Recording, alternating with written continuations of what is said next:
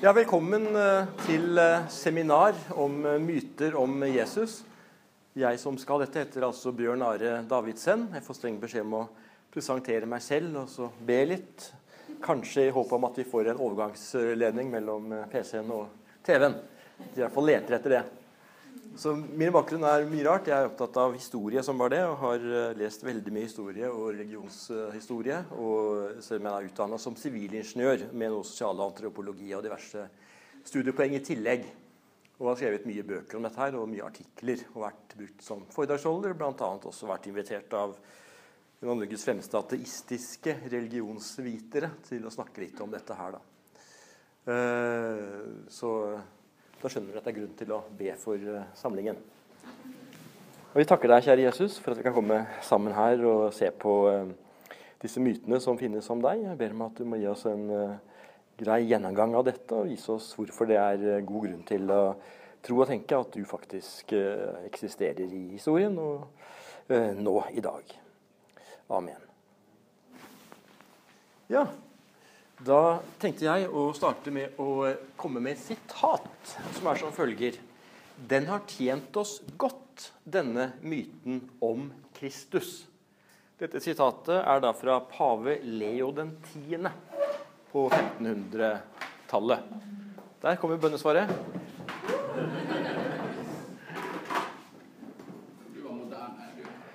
Ja, det er ikke meg det kommer an på, men det er utstyret, vet du. Ja, det. Ja. Da kan vi jo gi det hele litt grann, uh, La han holde på i bakgrunnen mens vi uanfektet uh, tar, går videre. Altså, dette sitatet jeg kommer med, den har tjent oss godt, denne myten om Kristus fra pave Leo den 10. Hva tenker dere når dere hører dette utsagnet fra pave Leo den 10.? Den har tjent oss godt, denne myten om Kristus.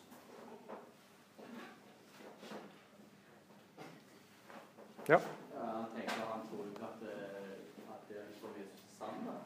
Nei, det er veldig opplagt. Men at Kirken har dratt stor fordel av den, eh, den myten om denne Ja. Tenker dere noe annet? Ingenting. Makkgreie? Ja. ja. Du er litt sånn luthersk, du. Ja. ja. ja. Ingen andre som tenker noe? Ja?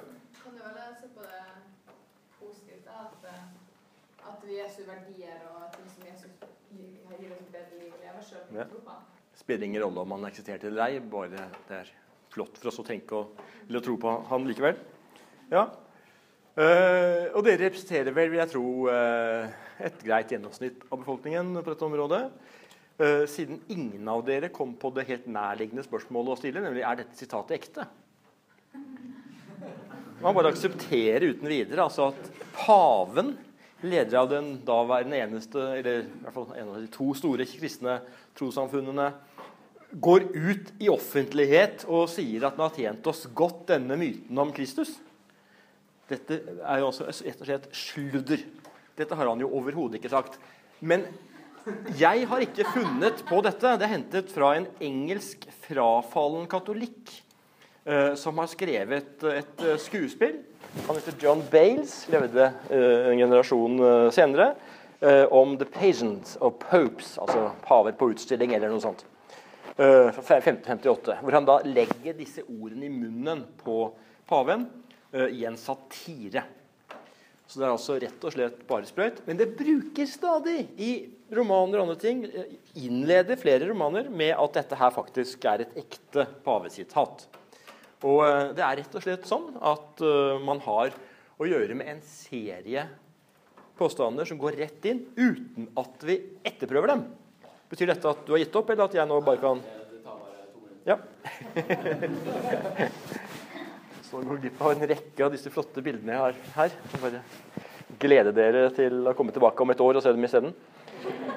Uh, for det finnes et bråte bøker om dette her, skrevet av en uh, rekke forskjellige personer.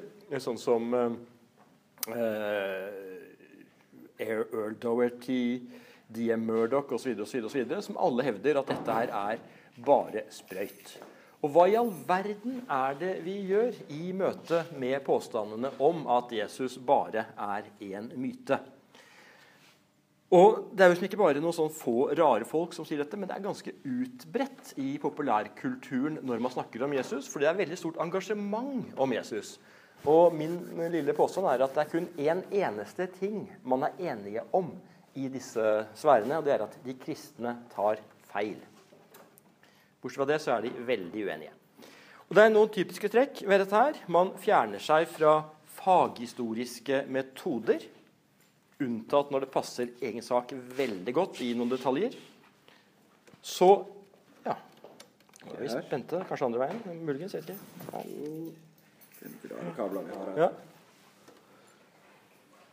Var det Nei, det skal være riktig. altså. Jeg beklager virkelig forstyrrelsen. Dette kunne jeg kanskje prøvd, men uh, hvis det er slik at uh,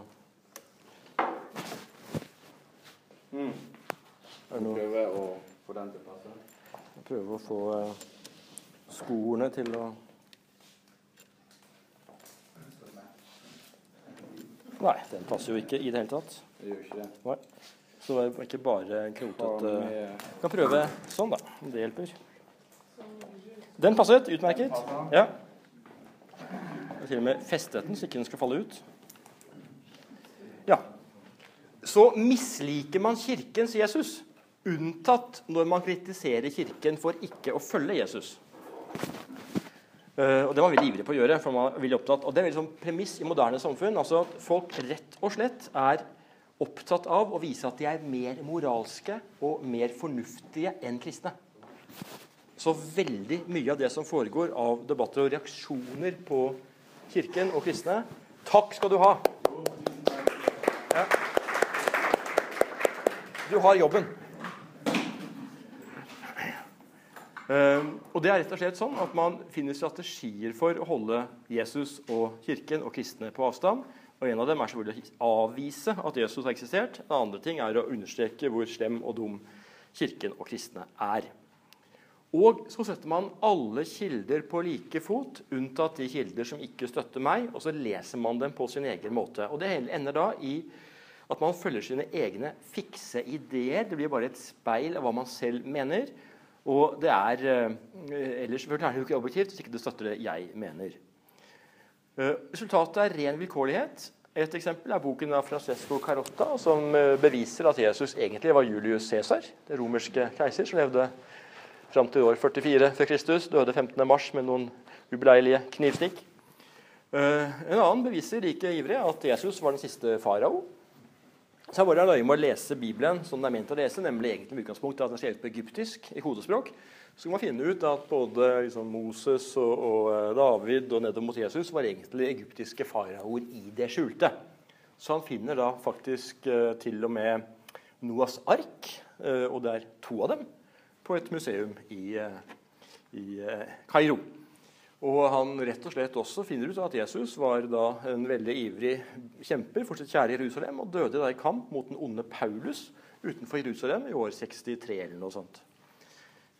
Eh, Han har senere endret på sitt syn og mener nå at Jesus egentlig ikke var det, men Jesus dro da til England, overlevde sammen med sine tolv disipler, og ble da grunnlaget for fortellingen om Arthur og ridderen av det runde bord. Her har vi tilsvarende bøker om Jesus var egentlig scener og holdt på med egypterne osv. Og han var egentlig bare, eh, sier noen, en eh, allegori. At han egentlig var solen. Og planetene rundt var disiplene, ulike sånne stjernekonstellasjoner. Og med riktig tolkning av stjernehimmelen vil man finne ut hele fortellingen om Jesus, som da kalles for 'the son of God'. Og Det ordspillet fungerer innmari godt på engelsk, veldig dårlig på gresk og hebraisk. Men resultatet er at det er ingen frelser. But died for our sins. Jesus Christ is a myth, sier da denne skarpsindige ateistiske bevegelsen. Freedom from Religion Foundation. Og man har veldig mye. ikke sant? Hun D.M. Murdoch, som i starten gikk under Akaraya S. Hun mener at Jesus bare er en sammenstilling av tilfeldige personer som det er blitt uh, skrevet historier om, og så slås sammen til en og samme figur, og det hele er bare myter som er blitt til historie. Og andre, uh, som Thomas Paine, en sånn kjent fritenker fra rundt år 1800. Han eh, mener at det hele altså er bare en, en allegori på de tolv uh, stjernetegnene man har altså i astrologien. Og det kalles da for det kjente ordet astroteologi. Jeg vet ikke mye om det er det på MF eller på Gimlekollen, og sånt, men uh, det er i hvert fall noe som rører seg der ute på selveste internettet. Og så er det noen sånne ting som er mer kjente enn andre noen påstander. For noen år siden, jeg tror det var 2007, for jeg har skrevet det, så var denne filmen 'Sightguys' den mest sette på øh, videomarkedet på Internett. Noen som har sett den? Jeg trodde den var liksom borte, men så traff jeg en rett før øh, tidligere i dag. som hadde Han, han Jon, heter han, han uh, på å si, han som er sånn veldig ivrig. Eh, som hadde da vært og holdt noen foredrag for eh, skoler noe nylig. Og da hadde han faktisk eh, møtt folk som kom med sånne lister hentet fra Zeitgeist. Og det er altså bare en uke eller to siden. heldigvis hadde jeg da dette foredraget med meg, så det var jo morsomt. men det som påstås, er at alt som har å gjøre med kristendom, kirken, er bare en konspirasjon. Og det er 'The greatest story ever told', eller 'ever sold'. Og Man viser da eh, i denne filmen at alt man kjenner igjen hos Jesus, eksisterte mange hundre og kanskje tusener år før hos andre guder, som f.eks. Horus, født 25.12., født, altså en jomfru. En stjerne viste seg i Østen, ble tilbedt av tre konger, var en lærer eh, da han var tolv år og ble døpt og begynte sin tjeneste da han var 30, hadde tolv disipler osv. osv. Og det finnes altså veldig mange sånne eksempler på disse her gudfigurene som eh, hadde akkurat samme her. Født av jomfruer på 25.12., tolv disipler osv. Til og med døde og sto opp igjen flere av disse. Og så vi sto på dette, Fortellingen om ordet som følger. ikke sant? sies det i ordet sitat da, fra denne videoen. Jeg skal ikke drive og lese dette, men det er altså slik at uh, dette her er Hvis man ser sol på det, ser vi altså at det er helt klare likheter. Faktisk er de identiske. Og dette vil alle som kunne, kan lese og forske på dette, her, eh, være enige om, blir det sagt i Sightguys. Men det er blitt holdt skjult for oss av myndighetene, og særlig den katolske kirken. Og spesielt, det sier ikke der, men det kommer fram sånn mellom linjene, av sånne som går på Veritas-konferanser. Uh, og så er det masse andre da, ikke sant, som man kan uh, nevne. ikke sant? Frigiske Attis, indiske Krishna, greske Dionysus, persiske Mitra osv. Hva gjør vi da når vi møter disse påstandene? Det er det vi er her for å høre. Da. Ja. ja. Vi bare lener oss litt tilbake og liksom Dere selv gjør ingenting. Dere, dere kommer ivrig hit. Dere har skjønt at dette er et skikkelig problem. Og da gjelder det å komme til en som uh, har vært i krigen. Ja. ja, det er nok det, ofte det lureste. For det som er greia, er at uh, når du sier det, så jeg ble jo invitert, som jeg sa i starten, av en sånn uh, ateistisk religionsviter, Asbjørn Dyrendal heter han, til å skrive om denne Sightguys-filmen på nettsidene til den norske skeptikerforeningen. Skepsis.no. Så her har jeg en lang gjennomgang av Zeitgeist og viser feil etter feil etter feil etter feil, og la meg legge til etter feil. Og det var rett og slett sånn at uh, den ble lest gjennom og godkjent av en veldig skarp og bevisst ateistisk religionsviter, og i tillegg av en kristen uh, religionsviter. Så den er på en måte Peer review. da. Og der uh, viser jeg mange ting, og jeg skal ta det etter hvert. Nå, f.eks. Stemmer det at Horus ble født 25.12.? Nei. 15.11. Og Videre er dette litt ulike guder. altså Det er ikke noe én bestemt skikkelse i Egyptens mytologi som er Horus, som er sånn og sånn. Nei, det er, Sånn er det på 1700-tallet for Kristus, sånn på 1200-tallet, sånn på 500-tallet. Endrer seg over tid. Ingen fast kjerne. Uh, ah, født av jomfruen Isis Meri. ikke sant? Det kan veldig tydelig han født av jomfruen Maria. Uh, Meri er bare en tittel. Nei, hun var godt gift med Osiris og het kun Isis. Mary betyr bare dronning. eller sånt. Så hun var ikke noe jomfru. for å si det på en annen måte. Uh, hans fødsel var ledsaget av en stjerne i øst. Nei, sier religionshistorikerne. Det er ikke noe tegn på. Det står ikke noe om det i kildene.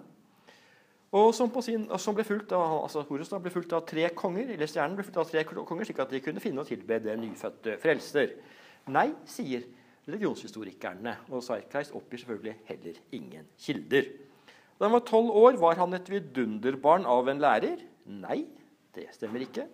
I 30-årsalderen ble han døpt av en figur som kjent som Anup? Nei, sier religionshistorikerne. Tok fatt på sin tjeneste? Følgelig ikke. Uh, han hadde tolv disipler som han reiste rundt med. Nei, han hadde fire. Og det er altså, hvis du lurer veldig, tredjeparten. Han utførte mirakler, helbredet på vannet, noen, men reiste aldri sin far opp fra de døde, som det ble påstått, og gikk aldri på vannet. I hvert fall er det aldri omtalt at han gikk på vannet. Muligens gjorde han det, men det er ikke skrevet om det. Uh, han er kjent under ulike ærestitler som Sannheten, Lyset, Guds salvede sønn, Den gode hyrde, Guds lam. Nei, han er ikke det. Heller aldri omtalt som El Asarus. ikke sant? Dere skjønner her, De leter etter sånne der forbindelser som kan trekke til uh, de som venter. El Asarus. Det er egentlig bakgrunnen for Lasarus. ikke sant? Men nei, stemmer ikke. Uh, hans reelle tittel var Store Gud, maktenes herre, himmelens mester, sin fars hevner osv. Sveket er som et tyfon? Nei. Korsfestet? Nei. Begravet i tre dager? Nei. Deretter er de døde? Nei. Så hva skal man si om dette her, da? Veldig enkelt. Ja. Dette er ikke sant, noe som eh, bare er sprøyt, men det blir da spredt på ja, videoer, altså YouTube og Google-video osv. Og, så og blir rett og slett oppfattet av titusener, hundretusener kanskje, sett av millioner, som sant. Og det går rett inn fordi at dette er noe annet enn hva Kirken og kristne mener. Så ble påstått at dette er moderne forskning. Da sier jeg, som eh, når jeg sier artikkelen, ikke er det forskning, og ikke er den moderne. Jeg har gått gjennom de 197 kildevisningene punkt for punkt i Sarkeist. Og De aller fleste av disse er da over 100 år gamle, og det er ikke fra forskere. En av de mer kjente er Gerald Mezey. Jeg har en bok av han, veldig artig fyr. Men han er det overhodet ikke egyptolog eller noe annet. Han er dikter. Edvard Carpenter, er dikter og politisk aktivist. Thomas Down er det noe schwung over, siden han er ingeniør. da. Men ikke sivilingeniør, dessverre. Albert Churchward han er da kirurg og frimurerforfatter. Begge deler er i hvert fall første er greit, men andre er vel ikke så uh, sterkt, om man skal si noe om historie. Uh, det er masse sånn. ikke sant? Det er Ingen av disse her er folk som er forskere, og kun den nederste, hun uh, Akara S. D. Murdoch, er da rimelig moderne. Men altså hun er New Age-forfatter. Og som jeg ofte pleier å si hvem ville kjøpt en bruktbil av denne mannen? Så det man gjør, er at man tar eh, en sammenheng, antyder en sammenheng. Hvis det er slik at egypterne hadde en tro på en skikkelse før Jesus osv., antyder en sammenheng, bruker antydninger som bevis. Hvis det er slik, så kan det ikke være umulig at det er slik. Og så Dette er sånn ren sånn ancient Notes på History Channel. Uh, henviser ikke til originalkilder. Det hadde tatt seg ut. Bruker eksentrikere fra 1800-tallet. Det er jo ofte praktisk, for de har mye morsomme påstander for seg. Vrir litt på de opprinnelige mytene for å til å passe hvis ikke de passer. og det passer jo ikke helt tatt, så det må vris mye på. Dikter opp nye. Det er også noe som må til for å få det til å passe. Så marinerer man i det kjente uh, temaet, det kjente fagfeltet panbabylonsk astralmyteteori. Det var veldig populær på slutten av 1800-tallet. og Man mente alt var en sånn felles babylonsk uh, tenkemodell, og basert på da, tolkninger av stjernehimmelen, som da skapte disse mytene. Så rører man det sammen med enda mer selvlagde fag, som astroteologi og arkeastronomi. Det er da det å kunne finne ut av hvordan Stonehenge og alt liksom passer med stjernehimmelen, og hvordan dette da blir eh, altså arkeologi og astronomi. Da. Uh, og eh, Så siler man behendig ut innvendinger, og så legger man det ut på Google-video. Og så til slutt så selger man DVD, uh, en non-profit, for fem pund pluss to pund i porto. Og med norsk kronekurs så blir det etter hvert veldig dyrt. Dette er altså garantert suksess, garantert inntekter den har, har ganske, fått en del penger som har laget dette her. Og det er altså rett og slett eh, hva skal vi si, eh, ikke veldig bra at eh, veldig mange sluker dette, fordi man rett og slett da baserer seg på lenestolsforskning, ser ikke etter kilder, sjekker ikke med seriøse fagfolk, uansett livssyn. Og man stoler isteden på fantasier, og man finner opp ting selv. Det er jo veldig kreativt, ikke sant? Det er det jo, men, og det kan jo dermed vise at Gud finnes, siden Gud har gitt oss skaperevner. Men det er klart at uh, det er ikke seriøst. Og det er ikke altså, i en samtale om dette her må man alltid spørre etter kilder. Så sier da, Dette her sant, er en mer generell overordnet påstand om at hele Jesusopplegget er diktet opp basert på disse gamle mysteriereligionene. uten at man er så veldig, altså veldig konkret på det. Men det man da sier, er at det er paralleller mellom Jesus og hedenske guder i alle mysteriereligioner. Nei, det er ikke det. Og hva er greia som er greia sånn, I mysteriereligioner så er det veldig mange forskjellige elementer. Det?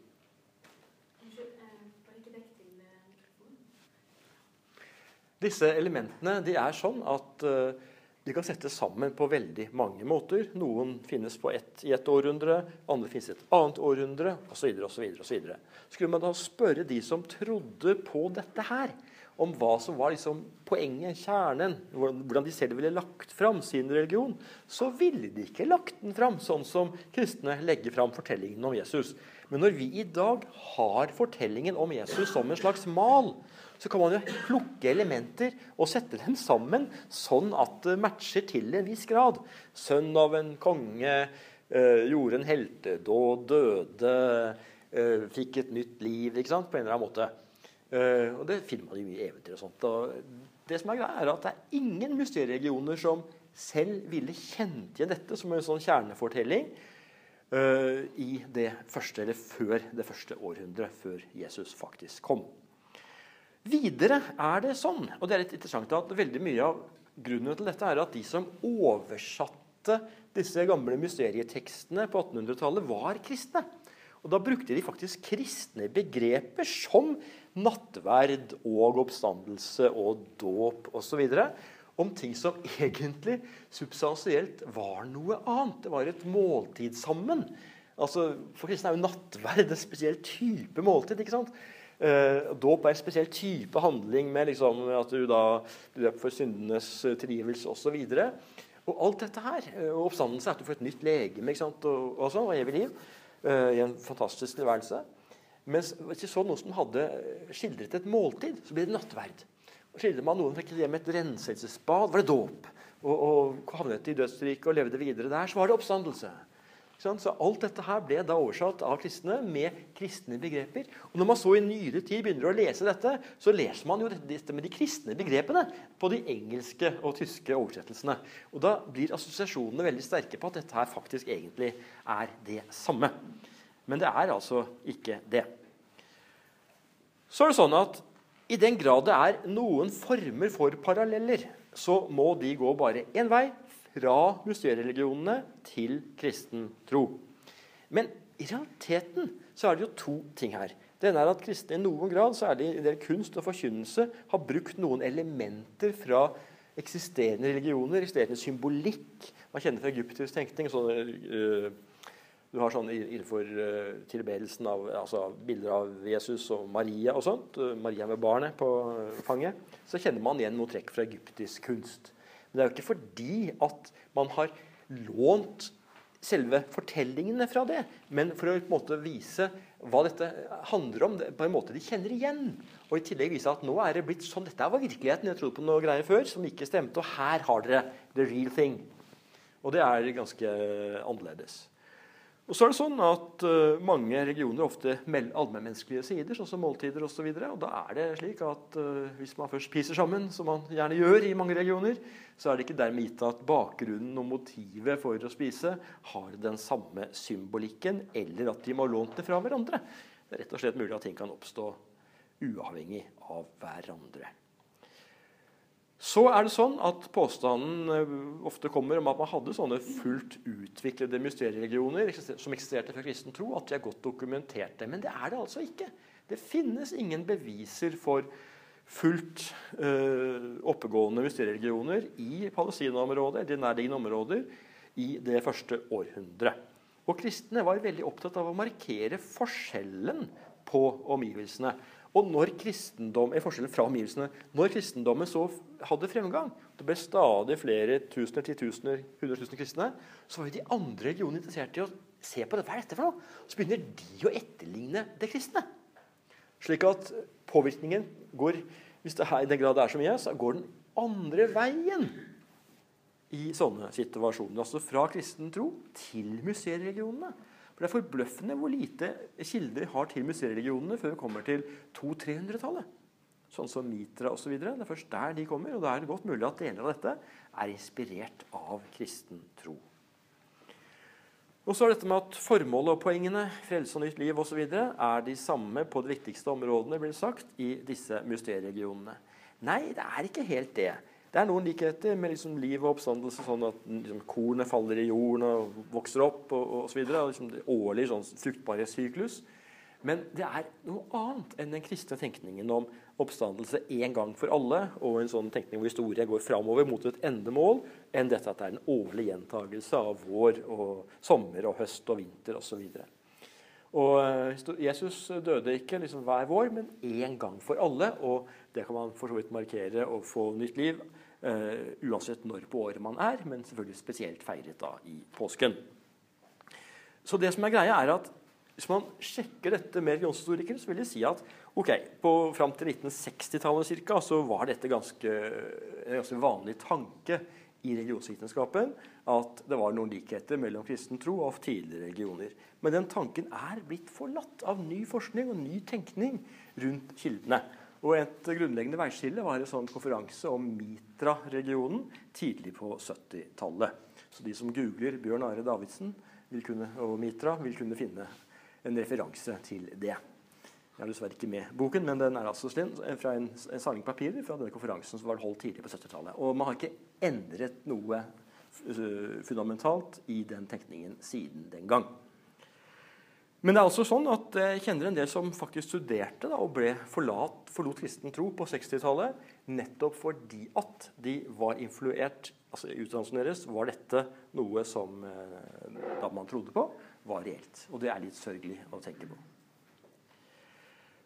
Ok, så nå sier jeg altså at Religionsviterne de har faktisk eh, i stor grad lagt denne ballen død. Den er ikke akt, altså Det stemmer ikke. så Jesus Heitgeist og disse store likhetene mellom museeregionen og kristen tro stemmer ikke. og disse måtte være likheter kan godt være påvirket andre veien. Men likevel pågår debatten fortsatt. Og her er det vi kommer inn i bildet, for det er disse stedene vi ofte kikker. Nemlig på et sted som heter Facebook, f.eks for de som måtte ha hørt om det. Uh, og her er da fra Hedningesamfunnets uh, side på Facebook. Jeg ble jo tvangsmeldt her for noen år siden fordi de ville ha meg til å kommentere dem. Og det har jeg gjort med stor glede og ledd mye. Grått noe òg. Eh, her er det da for to uker siden, som ble det la ut, da, 8. oktober, Eh, ungdomsskolelekse. Jeg sa til dattera mi at hun ikke trengte besvare denne. Oppgaven er da kjenne, Tema Jesu liv. Mål kjenne til noen hendelser fra Jesu liv. Eh, les side 70-73. Vi vet at Jesus har levd. Fortell om hvordan bibelforskere jobber for å finne ut mest mulig om Jesus. Det skulle man jo tro var en nøytral og grei oppgave ikke sant, i norsk skole. Eh, KRLE med eller uten K. Eh, men her, på Hedningssamfunnets side, så kommer reaksjonene da. Vi vet at Jesus har levd. I svarte Håper du tar kontakt med skolen her. Bibelforskere, hvor har de sin utdannelse fra? Muffens. Trodde skolen var til for å lære barn og ungdom å sette spørsmålstegn ved bastante sannheter. Så har jeg da maskert ut navnene her. da. Det er ikke meningen å henge ut noen. Eh, men dette er altså veldig typiske uttalelser og reaksjoner fra ja, folk flest som har litt uh, horn i siden til kristen tro. Og her kommer en som prøver å forsvare litt, da, for det er også mye seriøse folk på Hedningssamfunnets sider. Med tanke på at Jesus synes å ha blitt nevnt i historiske ikke-kristne religiøse tekster fra samtid, så er det sannsynlig å anta at han har levd. Det er ikke alle som er enig i det. Det er i hvert fall umulig å stille spørsmål rundt det. Enkelte forskere mener jo at Josefus, altså en av de som har eh, omtalt Jesus, uh, referansen er skutt inn i et avsnitt som handler om en annen Jesus. Så kommer det en annen da, og sier at Den største oppvigleren Øst-Romerriket, som ikke ble viet en eneste linje av romerne, samme folket som hadde tall på hvor mange stener og hvilken radius de skulle ha når de bygde veier. Og Så står det nevnt her eh, en sånn referanse da, til uh, Suetonius, og, Kres, og, og uh, han omgir, omtaler en viss Krestus, og historikeren Tacitus osv. som nevner Jesus. og ble til avvist igjen. da. Og Disse levde da en mannsalder etter en annen mann som skulle ha levd. Ifølge historiene døde jo Jesus i en alder av 33 år. Så går det en generasjon før det kommer en halvannen generasjon etter og skriver noen ord. Tvilsomt i beste fall. Det var en rettssak mot Jesus som ikke er dokumentert. Det mangler så mye fra de som var lærd på den tiden for å si at Jesus levde. Selv historien om Jesus er jo 4000 år eldre og kommer fra Egypt osv. Dette er altså fullt aktuelle påstander i ikke akkurat de mest nøytrale gruppene jeg kjenner. Eh, Men de fins der, og jeg møter dem stadig når jeg prøver å si noe om, eh, om Jesus. Hva skal vi gjøre med dette her, da? Bortsett fra å komme hit.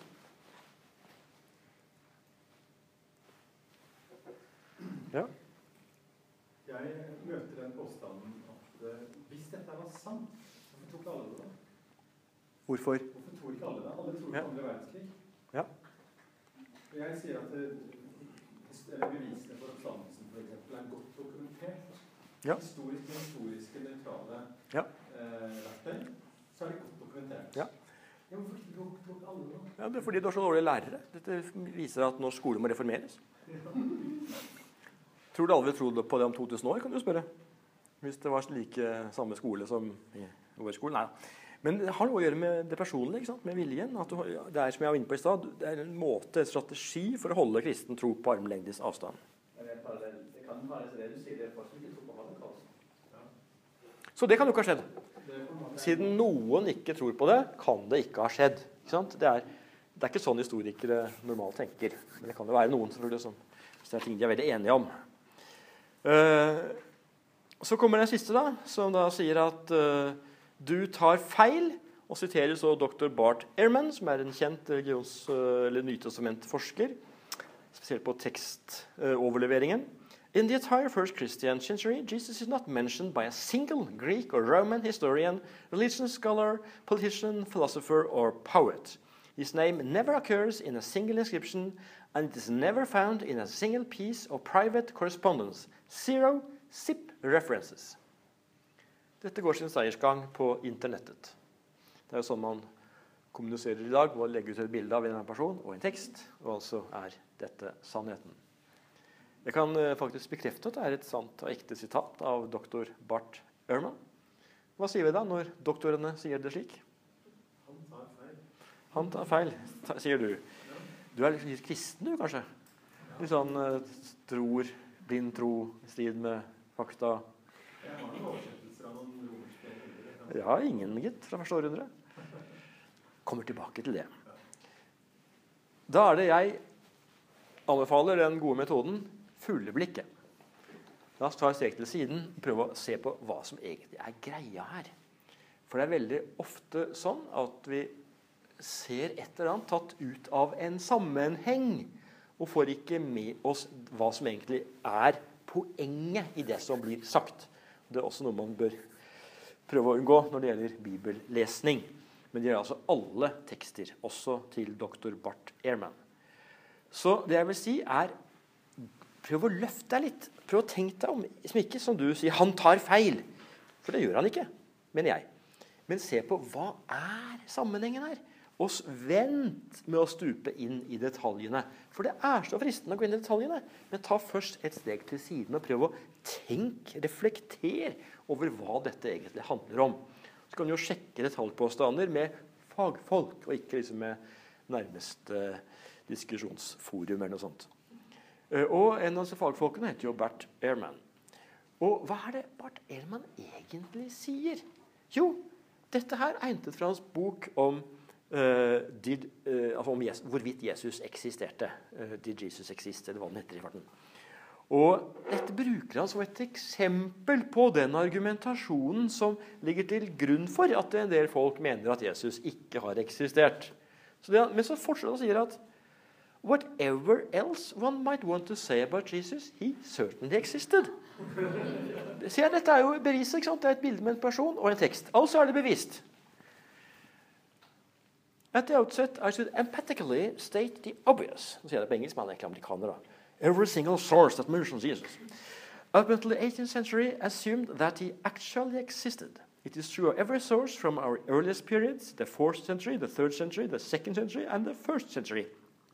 It is true of every author of every kind, Christian, Jewish, or pagan.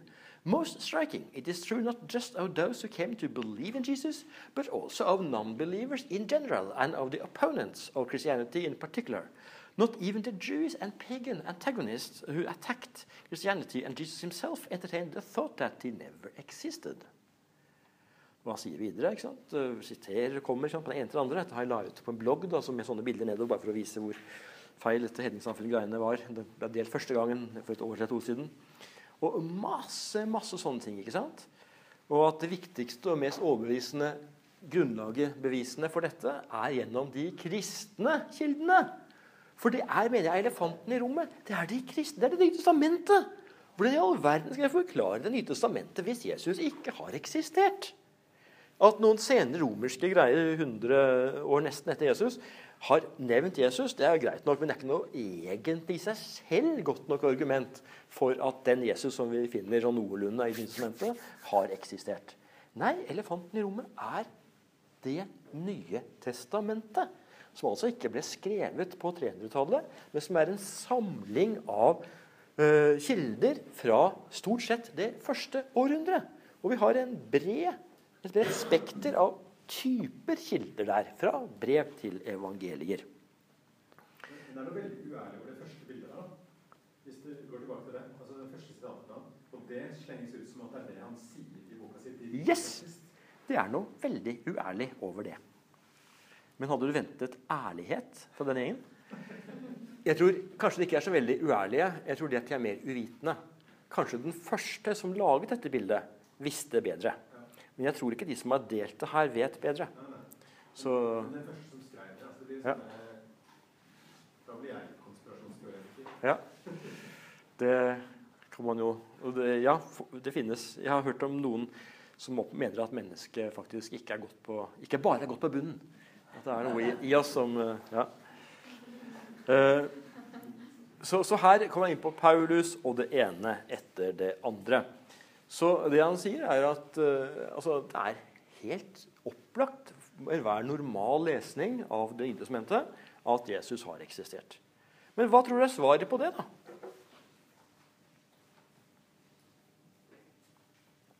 Hva tror dere disse som mener at Jesus ikke har eksistert, i hvert fall det er meget usikkert om han har gjort det, sier når folk som Barth Ehrmann prøver seg på seriøse innvendinger? Og nå snakker vi ikke om seriøse folk som svarer tilbake, altså mener med den fagbakgrunnen eller noe sånt som Ehrman har, men altså mer sånn folk flest-sjiktet. ja. Noen diktere som Ja, Bibelen inneholder jo mirakler osv., og, så videre, og da er den jo bare funnet på. ikke sant? Ikke sant? Det er sånn veldig sånn snappy uh, svar tilbake. Uh, og det er rett og slett sånn at eh, Jeg kommer litt tilbake til det, men det er sånne ting man må være klar over at det holder ikke bare å sitere Barth Ehrmann. Men nå prøver jeg altså å ta litt sånn fugleblikk her, sånn for å vise at vi må prøve å unngå å ta ting ut av sammenhengen. Prøve å se på hva disse kildene og påstandene som kommer fra seriøse folk som Ehrmann, faktisk hvordan de passer inn i den sammenhengen som Ehrmann selv presenterer dem i, og hva Ehrmann selv faktisk mener om hvorvidt Jesus har eksistert. Og Der er Ehrmann veldig, veldig tydelig, som vi sa. Men ok, hva når det gjøres nye funn? Her kommer et funn fra Dagblad, Dagbladet i fjor. eller noe sånt. En 1200 år gammel tekst er dekodet og utfordrer historien om Jesus. Ja vel? Hva svarer dere på det? Ja, det må du lese. Ja. Se her, han kunne skifte utseende. Og skjærtorsdag var på en tirsdag. Så dette kan evolusjonere litt av hvert. Men hva- hva, er det vi, eh, vi svarer på når vi møter den type påstand? Eller hva spør vi eventuelt om? Kilde? Ja, men jeg kan si at det er, virker som den er sann altså, langt på vei. At historien faktisk er 1200 år gammel, ja. Vi har noe som er 2000 år gammelt. Hva i all verden? Den er jo fullstendig uinteressant som kilde til Jesus. Hvis jeg i dag skulle begynne å snakke noe om hva eh, kong Håkon Håkonsen egentlig mente i år 1215, eller når han levde, så er det klart at det blir ingen som vil tro på det. Jeg har skrevet noe 800 år senere. Hva i all verden har det med saken å gjøre? Vi har kongesagaer fra 1200-tallet. Hvem skal man liksom eh, drive oss og stole på her? Ja, Bjørn Are er jo mye flinkere enn de som skrev eh, Han kan mye mer om mysteriereligioner. enn, ikke sant? Nei, det er jo ikke sånn historikere jobber. Så dermed så er det altså en sensasjon. Jeg ønsker å røpe. Dette er et fagfelt. Så dette går på å vurdere generelt forskning. fordi at de færreste av oss er faktisk folk som er professorer i historie eller i biologi, eller i fysikk, eller i hva det måtte være. Og Da må vi forholde oss til fagfolk. Da må vi prøve å finne ut av hva er det som faktisk er noen mer gjengse konklusjonene i fagmiljøene. Og vi ikke alltid skjønner all argumentasjon som fører opp til disse konklusjonene. Forholder jeg meg til disse hovedsynspunktene, eller forholder jeg meg til veldig marginale synspunkter som bare appellerer veldig til meg? For det er veldig menneskelig at vi holder oss til akkurat det som liksom eh, passer godt med det jeg skulle ønske var sant, at Jesus ikke har eksistert, at det ikke er global oppvarming, at verden ikke ble skapt på milliarder av år, men på seks dager osv.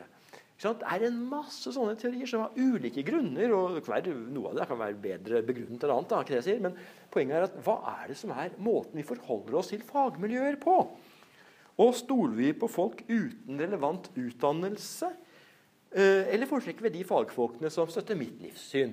Eller, hvordan er dette egentlig? Prøv å ta et steg til siden og tenke over det.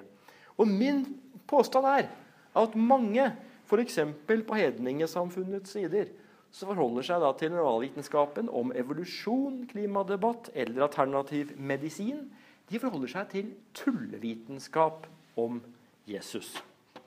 Og de har ikke tenkt seg godt om.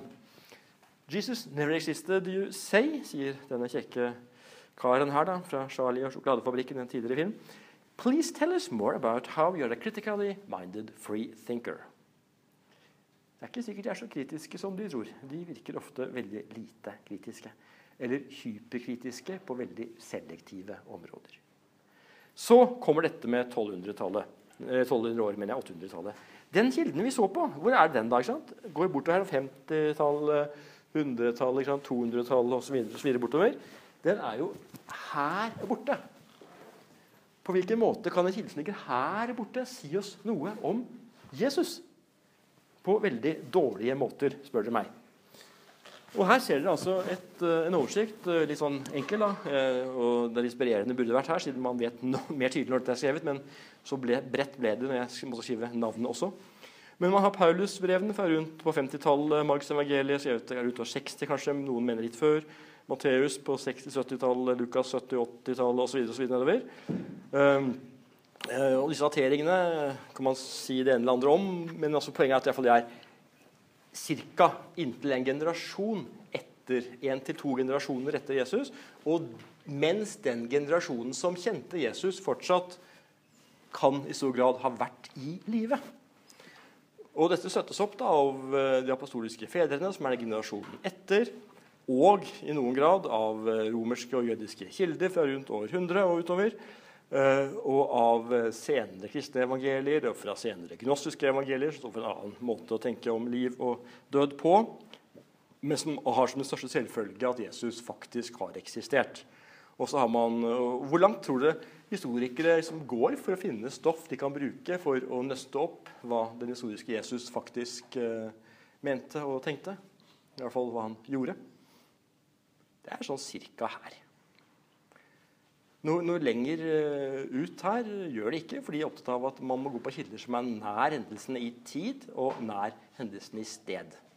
Skrevet også i sånn general area of og, og på noenlunde eh, den samme tiden. Hvis ikke man vet at de har tilgang til kilder som kanskje nå er tapt, men som de har brukt, og som så har blitt uh, uh, samlet opp i denne boken. Så altså for beste, Noen av de beste bøkene om Alexander den store, som levde på 300-tallet eh, før Kristus er faktisk fra 100-tallet etter Kristus, altså 300-400 år etter. Så Man må ikke drive oss og eh, tro at uh, bare fordi jeg veldig lenge etter, så er det alltid sånn at det er dårlig kilde hvis det er basert på stoff som er eldre. Men disse her er gode kilder, sier historikerne, fordi de i hvert fall ligger nær i tid og kunne dermed ha mulighet til å få tilgang på materialet om den historiske Jesus, men så kan man være kritisk til dem, siden de f.eks. sier noe om mirakler, og det kan vi jo ikke tro på i moderne dager. Eh, men Koranen, da, som et eksempel. Koranen sier mye om Jesus. Sier til dels andre ting enn hva eh, Bibelen sier. Hva skal vi tenke om det, da? Er liksom Koranen, nei, Vi har også Koranen og oss til Bibelen. Og liksom det er, spiller ingen rolle hva man gjør, bare man velger, gjør et valg. Hva tenker dere om det?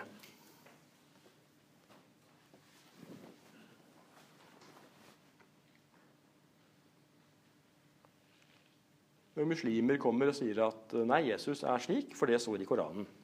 Og svarer vi at nei, Jesus er slik, for det står i Bibelen. Er det liksom uavgjort, da? Jeg prøver, Er det ingen som har noe svar her? Ja, eh, rett og slett. Jeg prøver liksom å være veldig tydelig her. Jeg skjønner at eh, det er alltid pedagogens feil. Eh, Det er jo sånn at eh, Koranen er av null, zero, zip, for å sitere Barth Ehrmann, interesse for historikere på hva som faktisk skjedde med Jesus. For den er fra minst 600 år etter. Altså som jeg skulle skrevet noe om den norske kongefamilien på 1400-tallet. 1415. Den dansk-svensk-norske var fortsatt den trippelunionen. Altså, helt uinteressant hva jeg måtte mene om, eh, om det. Hvis ikke man kan vise at Koranen har eh, tilgang på eldre kilder. Og det kan man jo ikke vise, annet enn at man har tilgang på deler av Bibelen. Uh, og så kan man selvfølgelig ha en religiøs tro på at uh, ja, men alle har åpenbart dette. Ja, ja, men da er man ikke historiker.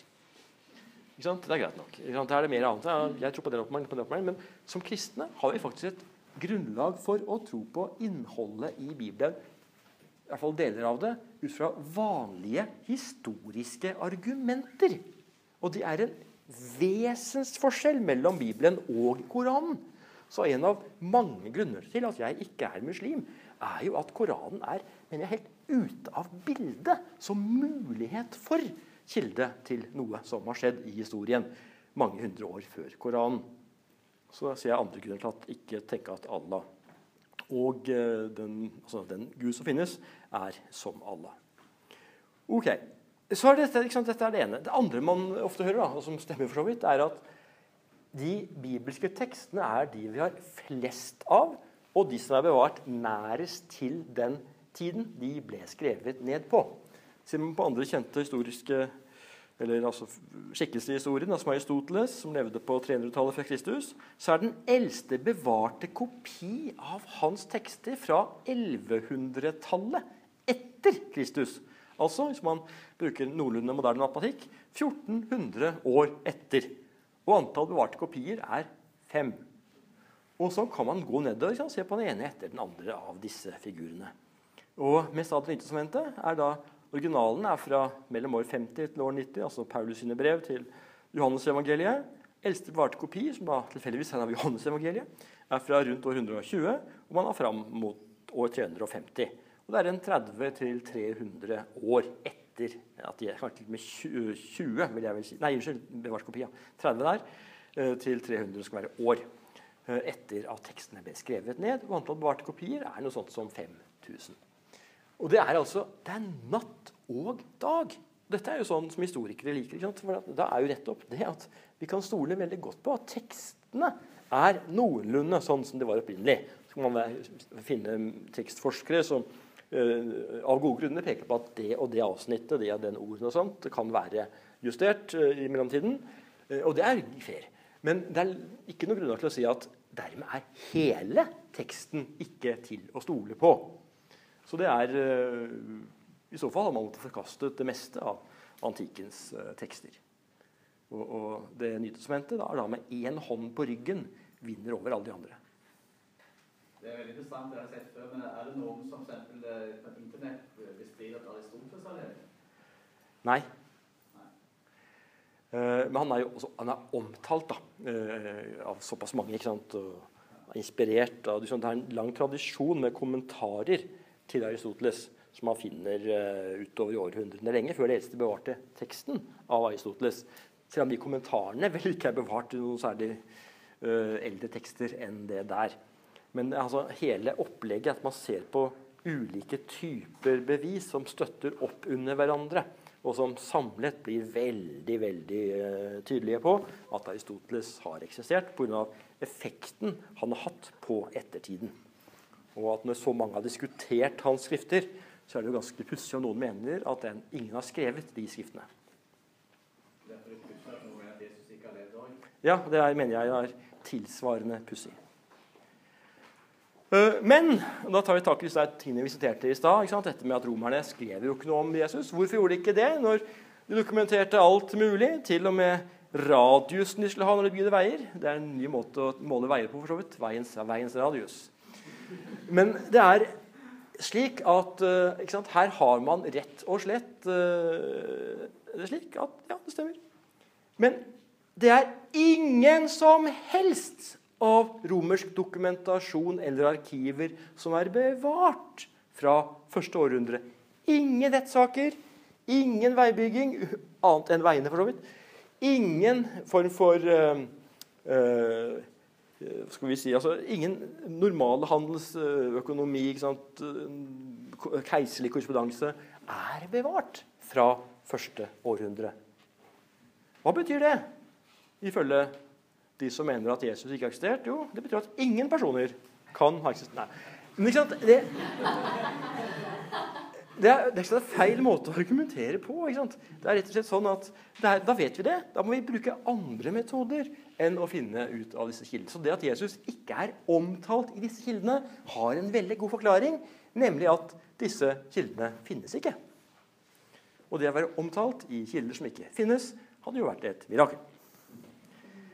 Hva er så bevart av romerske tekster fra første århundre? Jo, vi har bevart fabler, satirer og dikt, f.eks. Dette er eneren, som dere ser. Så kommer det altså mer. Eh, men ingen nevner Jesus i noen fabler, satirer eller dikt. Hva kan vi slutte av det?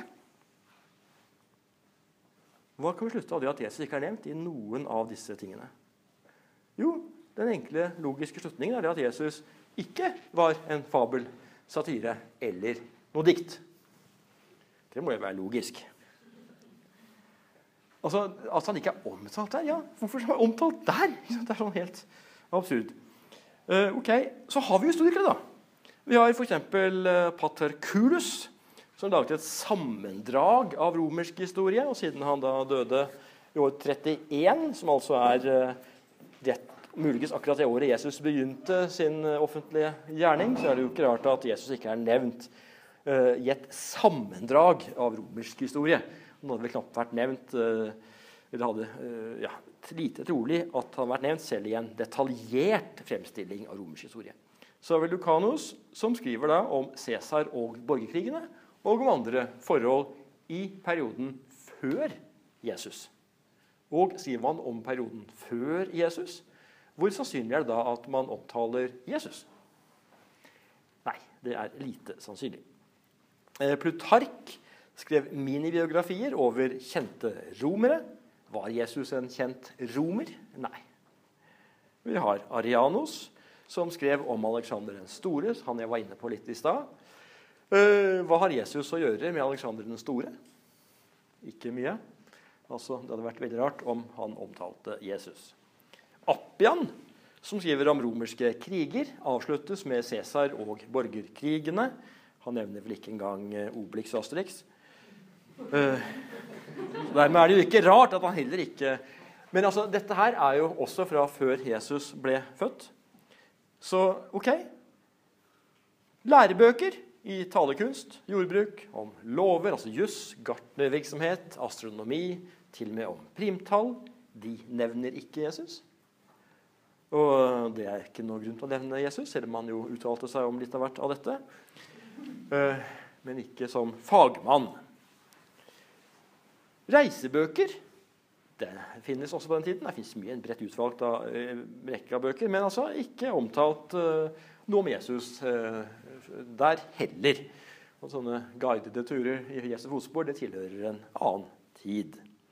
Ok, Hva kan vi så slutte av dette, at ingen av disse historikerne her omtaler Jesus? Jo, vi kan slutte det at altså Vi kan spørre i hvert fall hvem burde nevnt Jesus av de vi har omtalt. Det er én av datidens forfattere som man i teorien kunne tenkt burde omtalt og nevnt Jesus. Nemlig den jødiske skribenten og filosofen Filon, som levde fra år 20 før Kristus til år 50 etter Kristus. Men han nevner altså ikke Jesus. Hva tror dere kan være grunnen til det? Og det er ikke bare fordi han er jøde.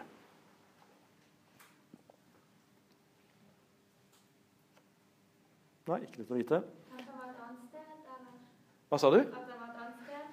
Godt poeng! Han var ikke i Jerusalem. han levde i Alexandria, som lå et godt stykke unna. Og dermed omtaler han jo ikke heller andre superkjendiser i Jerusalem, sånn som Gamaliel, som altså er øverste presten i eh, Jerusalem i, denne, i deler av denne perioden. Eh, Når han ikke omtaler engang øverstepresten, er det ikke rart at han heller ikke omtaler en litt obskur fyr som hadde noen pretensjoner, og så ble henrettet av romerne. Eh, Og kristne var ikke på radaren før hos jøden Josefus på 90-tallet eh, i tekster. Og de er først aktuelle på en måte i romernes mer sånn generelle bevissthet når de ble urostiftere under keiser Nero på 60-tallet, altså brant Roma, og også kristne. Uh, muligens også omtalt uh, under keiser Claudius et par tiår før. Uh, jeg kommer litt tilbake til det. Så det er ingen grunn til at romere skulle omtale Jesus. Hva snakker vi om her nå? Vi snakker om altså en litt sånn obskur, perifer ikke-romer i en avkrok av Romerriket, altså Judea og Palestina-området, som det het senere. da. Den gang het det vel Judea. Eh, og ikke bare eh, var han i en avkrok av eh, Romerriket ved å være Judea, var i en avkrok også av dette området. Han var jo ikke mye i Jerusalem. Han var jo ikke rundt i Galilea og disse her områdene rundt der. Så han var jo en, måte, en avkrok av en avkrok. Virket bare i tre år. Og hadde liksom noen sånn ville historier rundt seg, kan man tenke, hvis han var den Bibelen sier han var. Eh, Men hvorfor romerske historieskrivere skulle skrive om Jesus eh, som ble henrettet, det er et godt spørsmål. Så konklusjonen er veldig enkel. Ingen historieskrivere har skrevet om Jesus, unntatt de historieskriverne som har skrevet om Jesus. Og da kommer vi litt på de du tenkte på. Eh, og Der har vi f.eks. denne Josefus, jødisk historieskriver. Han ble da satt til fange av romerne under den jødiske krig. Og, han eh, har da to avsnitt i en bok om jødenes historie om Jesus. Så har vi da den romerske historieskriveren Tacitus, som har et avsnitt i hans analer om de romerske keiserne. og Den finnes fra etter århundre. Ja, Eh, I våre historiebøker på videregående da lærte vi at, at eh, kristendommen ble statsreligion i Romerriket. Ja. Hvor kommer de kildene fra? Ja, Det er mye senere. Det er mye senere. Ja, Det er på 300, slutten av 300-tallet. Så Men er det, er det romerske som har skrevet om det? Eller? Ja, det er det veldig mange kilder på. Det er det. Så det stemmer jo. Det først ble den tolerert religion under keiser Konstantin i år 313 eller noe sånt. Og så ble den eh, foretrukket og etter hvert eh, det vi kaller for statsreligion på slutten av 300-tallet under keiser Theodosius den andre, var det vel. Eh, så det, det er veldig godt dokumentert da, i mange kilder. Da må historikere spørre hvordan kunne det skje? Ja. Jeg har en god venn som er humanetiker. Han heter Didrik Søderlin. og Han uh, sier av og til veldig morsom, stadig sier han veldig gl- glupe og morsomme ting. Og En av tingene han da sa når noen begynte å diskutere om Muhammed hadde levd, det var det at han, det var nærmest en forutsetning for å stifte en verdensreligion at grunnleggeren ikke hadde eksistert. så, eh, så vil vi Plinius den yngre, som har et avsnitt, eller noe brev til eh, keiseren om hva kristne trodde, og hvordan man skulle behandle dem når de, disse urosgifterne ble forhørt, og, og, og eh, hva de skulle avsverge sin tro osv. Og, og så har man da Tonius, som skriver om keiser Claudius, og skriver at, at keiseren da utviste jødene fra Roma fordi de tilskyndet av Krestus stadig bråket. Og felles for alle disse sitatene jeg kommer litt tilbake til to øverste etter hvert, er at de, man kan diskutere om de faktisk er eh, eh, altså er de lagt til av kristne. Senere snakker de om noe annet. Er det bare rykter de hører? ikke sant? Hvor mye historiske kilder har de selv hatt tilgang til? og alt det der. Dette med Suetonus ah, Det står Krestus med E og ikke med I. Og Krestus var litt sånn vanlig navn på en slave. eller noe sånt. Og så det, altså, det han sier, sier skeptikerne, er at eh, en eller annen slave ved navn Krestus gjorde da bråkte i, Roma, og dermed ble jødene utvist under keiser Claudius. Mens da flertallet av historikere som ser på dette, mener at det er mye mer sannsynlig henger med på greip, at det er faktisk en slags misforståelse av at eh, kristne i Roma, kanskje kristne i diskusjon med jøder i Roma, laget opptøyer ikke sant? for de slåss seg imellom, vet hvordan religiøse er. Og da ikke sant, ble det jo sånn at eh, de skyldte på Kristus, og så ble det da til Krestus. Eh, så når man sier at dette er bare rykter eller skrevet inn i tekstene etterpå, så er det et forsøk med på bortforklaringer og til dels også konspirasjonsteorier om hvordan da kristne har manipulert tekster etterpå i sin fortvilete kamp for å ikke avsløre at Jesus faktisk ikke har eksistert. Men dette er veldig sånn moderne tenkning og støttes i fryktelig liten grad av historikere. Men la oss nå ta et eksempel da, på dette, så du skjønner hvorfor det er grunn til å være litt skeptisk på deler av dette. Her har vi da jøden Josefus, som skriver i uh, sin, sitt verk om jødenes historie i ca. år 94.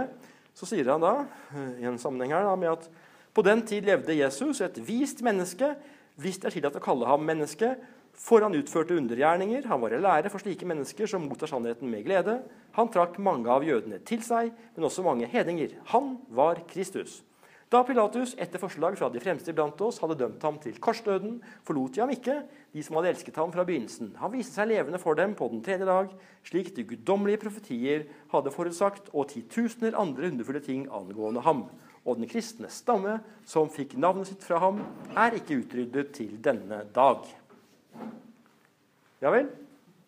Da må det vel være bevist at Jesus har eksistert, siden dette står i et historieverk fra år 94. Hva tenker dere når dere hører denne teksten?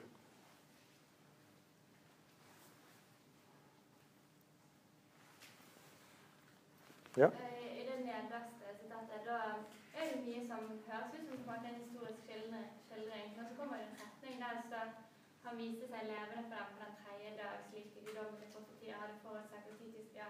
Ja. Da går det ut av kanskje historiske eh. Ja. Kanskje at det kan ha vært til. Ja, og ikke bare det, men altså, ville en jøde skrevet noe sånt i et verk rettet mot romere? Ville en jøde gjort det? Nei, det er en del sånne problematiske ting her. Og Jeg skal ikke holde dere på pinebenken, men disse spesielt da, eh, er det som, er det som er eh, problematisk.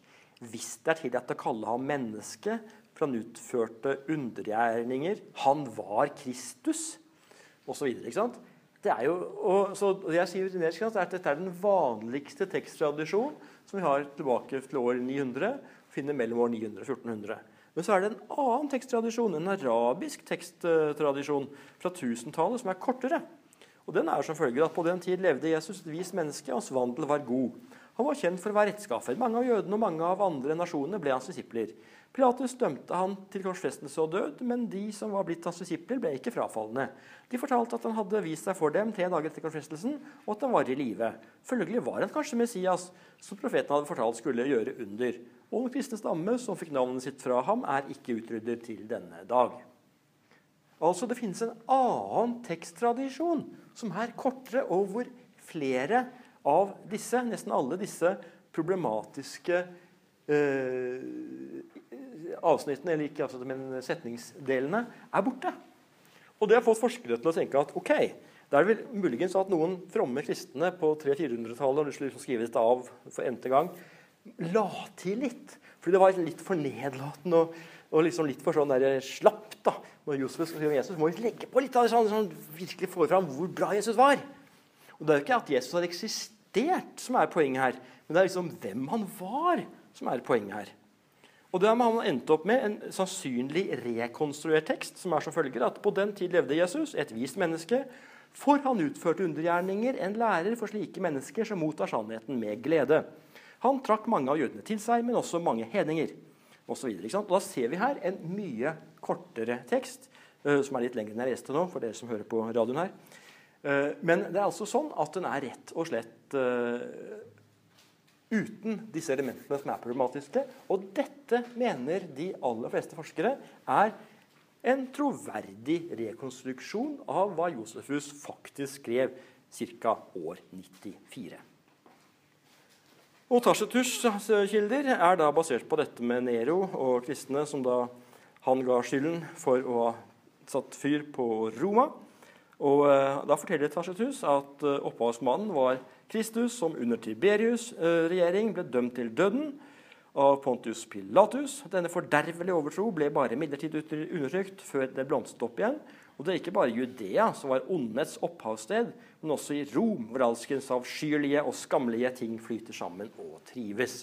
Han bruker vel til og med et annet, en annen tittel på Pontius Pilatus i teksten her enn, jeg har glemt å ta med den, da, enn det som er på et senere funnet monument til hvor Pilatus, eller tekst hvor Pilatus er omtalt.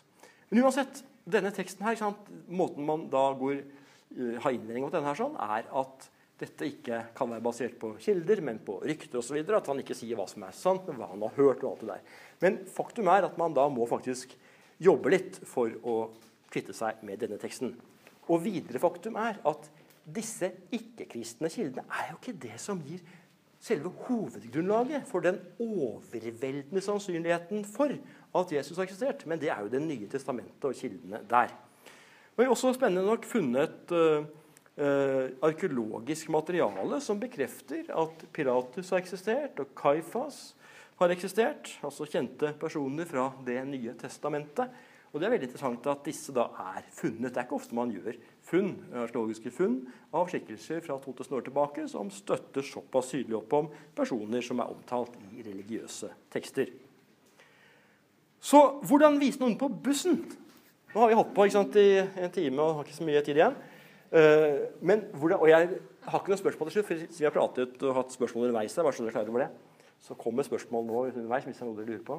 Men hvordan vise noen på bussen da, at Jesus har eksistert? Og så tenker jeg ikke på Sørlandsekspressen, hvor det var fire-fem timer. Men altså sånn i Oslo, hvor vi har ti minutter, kanskje. Ja, det er jo Så da, da trenger man virkelig god tid. uh, bruk det store bildet. og Da pleier jeg å si sånn at OK Hvorfor skal man tro at Jesus har eksistert? Jo, fordi han fremstilles som nordlending. Tenk dere det! At noen skulle fremstille Messias som nordlending. Alle vet jo at Messias skulle være født i Betlehem.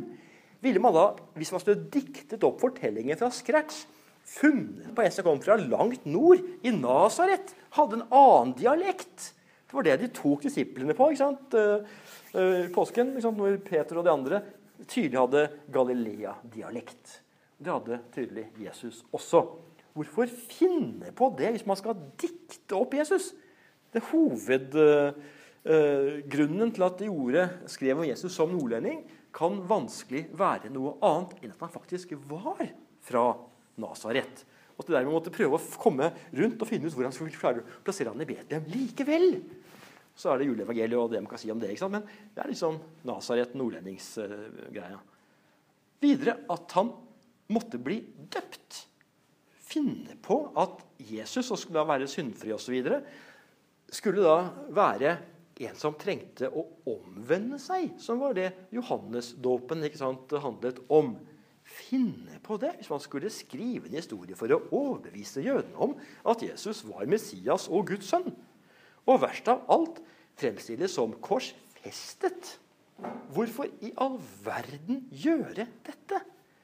Hvorfor altså, finne på en Messias som led en så fornedrende død? Poenget med korsfestelse var ikke bare at det var vondt, men at det var så fornedrende. Det var et ære-skam-samfunn. Og det å tape ære, tape ansikt, som det å henge på et kors og skrike naken, det er fryktelige greier. Skam æresmessig. Derfor var dette den mest vanærende døden man kunne tenke seg. Så da er spørsmålet hvem hadde noe å tjene på dette hvis det ikke var sant? Tvert imot var jo dette heller til ulempe. Så dette mener jeg er en veldig enkel og grei argumentasjon på bussen. Nå brukte jeg ca. tre minutter her. Så litt avhengig av hvilke stoppesteder dere er på, kan dere velge å ta med alle tre eller bare to av punktene. Men dette er ikke sant, noe som jeg mener er, er så opplagt. Men det handler litt om sånn mønstergjenkjennelse og litt sånn vilje, mener jeg. da, til å kunne se poenget. Nå har ikke jeg her vist at Jesus var Guds sønn eller sto opp igjen fra de døde. eller noe sånt. Men det er jo en annen diskusjon. Det er det andre seminarer på her. For eksempel. jeg har til og med selv skrevet en bok om eh, kom ut i går, hvor det er et kapittel om dette her. Gud mer enn feel good. Kan kjøpes av meg og jeg alle gode bokhandler og nettene. Eh, det er, det er eh, noe som sant, er en helt annen diskusjon, men det vi tar opp her nå, er dette med at Jesus bare har vært en myte. Men hva kunne vi så vente da, hvis Jesus eksisterte? Jo, at han var omtalt i brev fra settefølgere. Det er jo opplagt å vente. Og det er han jo tilfeldigvis. pussig nok. Omtalt i biografier fra dem som kjente ham, som var på hans side, som falt for hans budskap. Ja, det er jo bare å hente. Omtalt perifert av noen romerske og jødiske historikere. Ja, det ble han jo. Og at det var en omfattende mytedannelse etter at de som kjente han, var borte. Og dette bygget opp under litt ulike, til dels ganske ulike trosoppfatninger. Som alle disse kristne evangeliene som vokste fram, som hadde noenlunde samme teologi, da, men veldig overdrevne ofte, om Jesus og hans barndom og oppstandelse osv. fra midten av 100-tallet og utover i mange hundre år. Og alle disse andre gnostiske, mystiske, livsfornektende evangeliene fra midten av 100-tallet, som vi hører stadig om i media, fordi de sier noe annet enn Det nye testamentet. Men det er altså fra flere generasjoner etter og har altså svært liten verdi som historisk kilde. Og så, Kanskje det mest spennende er at de kristne var involvert i masse debatter om kristen tro. Og hvis dere har hørt om et ord som heter apologet, så er det sånn at De første apologetene de kom jo på slutten av 100-tallet, Justin Martyr osv. Og, så og disse skrev jo en masse svar på innvendinger og angrep mot kristen tro. Og det er tusenvis av sånne svar. Gjett hvilken innvending de aldri hadde behov for å svare på. Nemlig den at Jesus ikke hadde eksistert. Og Det måtte vært den mest opplagt naturlige innvendingen for å avvise kristen tro. Dere tror på en fyr som ikke har eksistert. Som altså dere påstår det korsfestet av Pontius Pilatus. Men det er jo bare surr! Nei, det kommer jo ikke fram i det hele tatt. Så fraværet av diskusjoner om hvorvidt Jesus hadde levd, er et av de klareste bevisene på at Jesus hadde levd.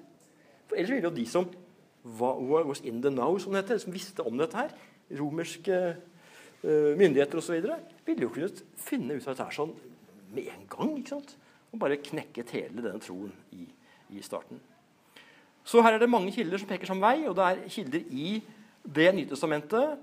Det er uh, brevene, det er apostelens gjerninger støtter dette her, ikke sant? skrevet på 60-70-tallet. Det er andre fakta, at Jesus ble korsfestet fra Nasaret. Og det nevnte jo ikke jeg, da, men hadde kvinnelige vitner til graven var tom. ikke sant? Hvorfor ha med kvinnelige vitner? Det er også noe som ikke er noe som støtter opp under historien. At kristne har eksistert, er et godt argument. som var inne på. Hvor kom de kristne fra? Og de til og med, Noen av dem bør ha visst om Jesus har eksistert eller ikke. Men likevel gikk de i døden for det. Altså, mange går i døden for noe de innbiller seg.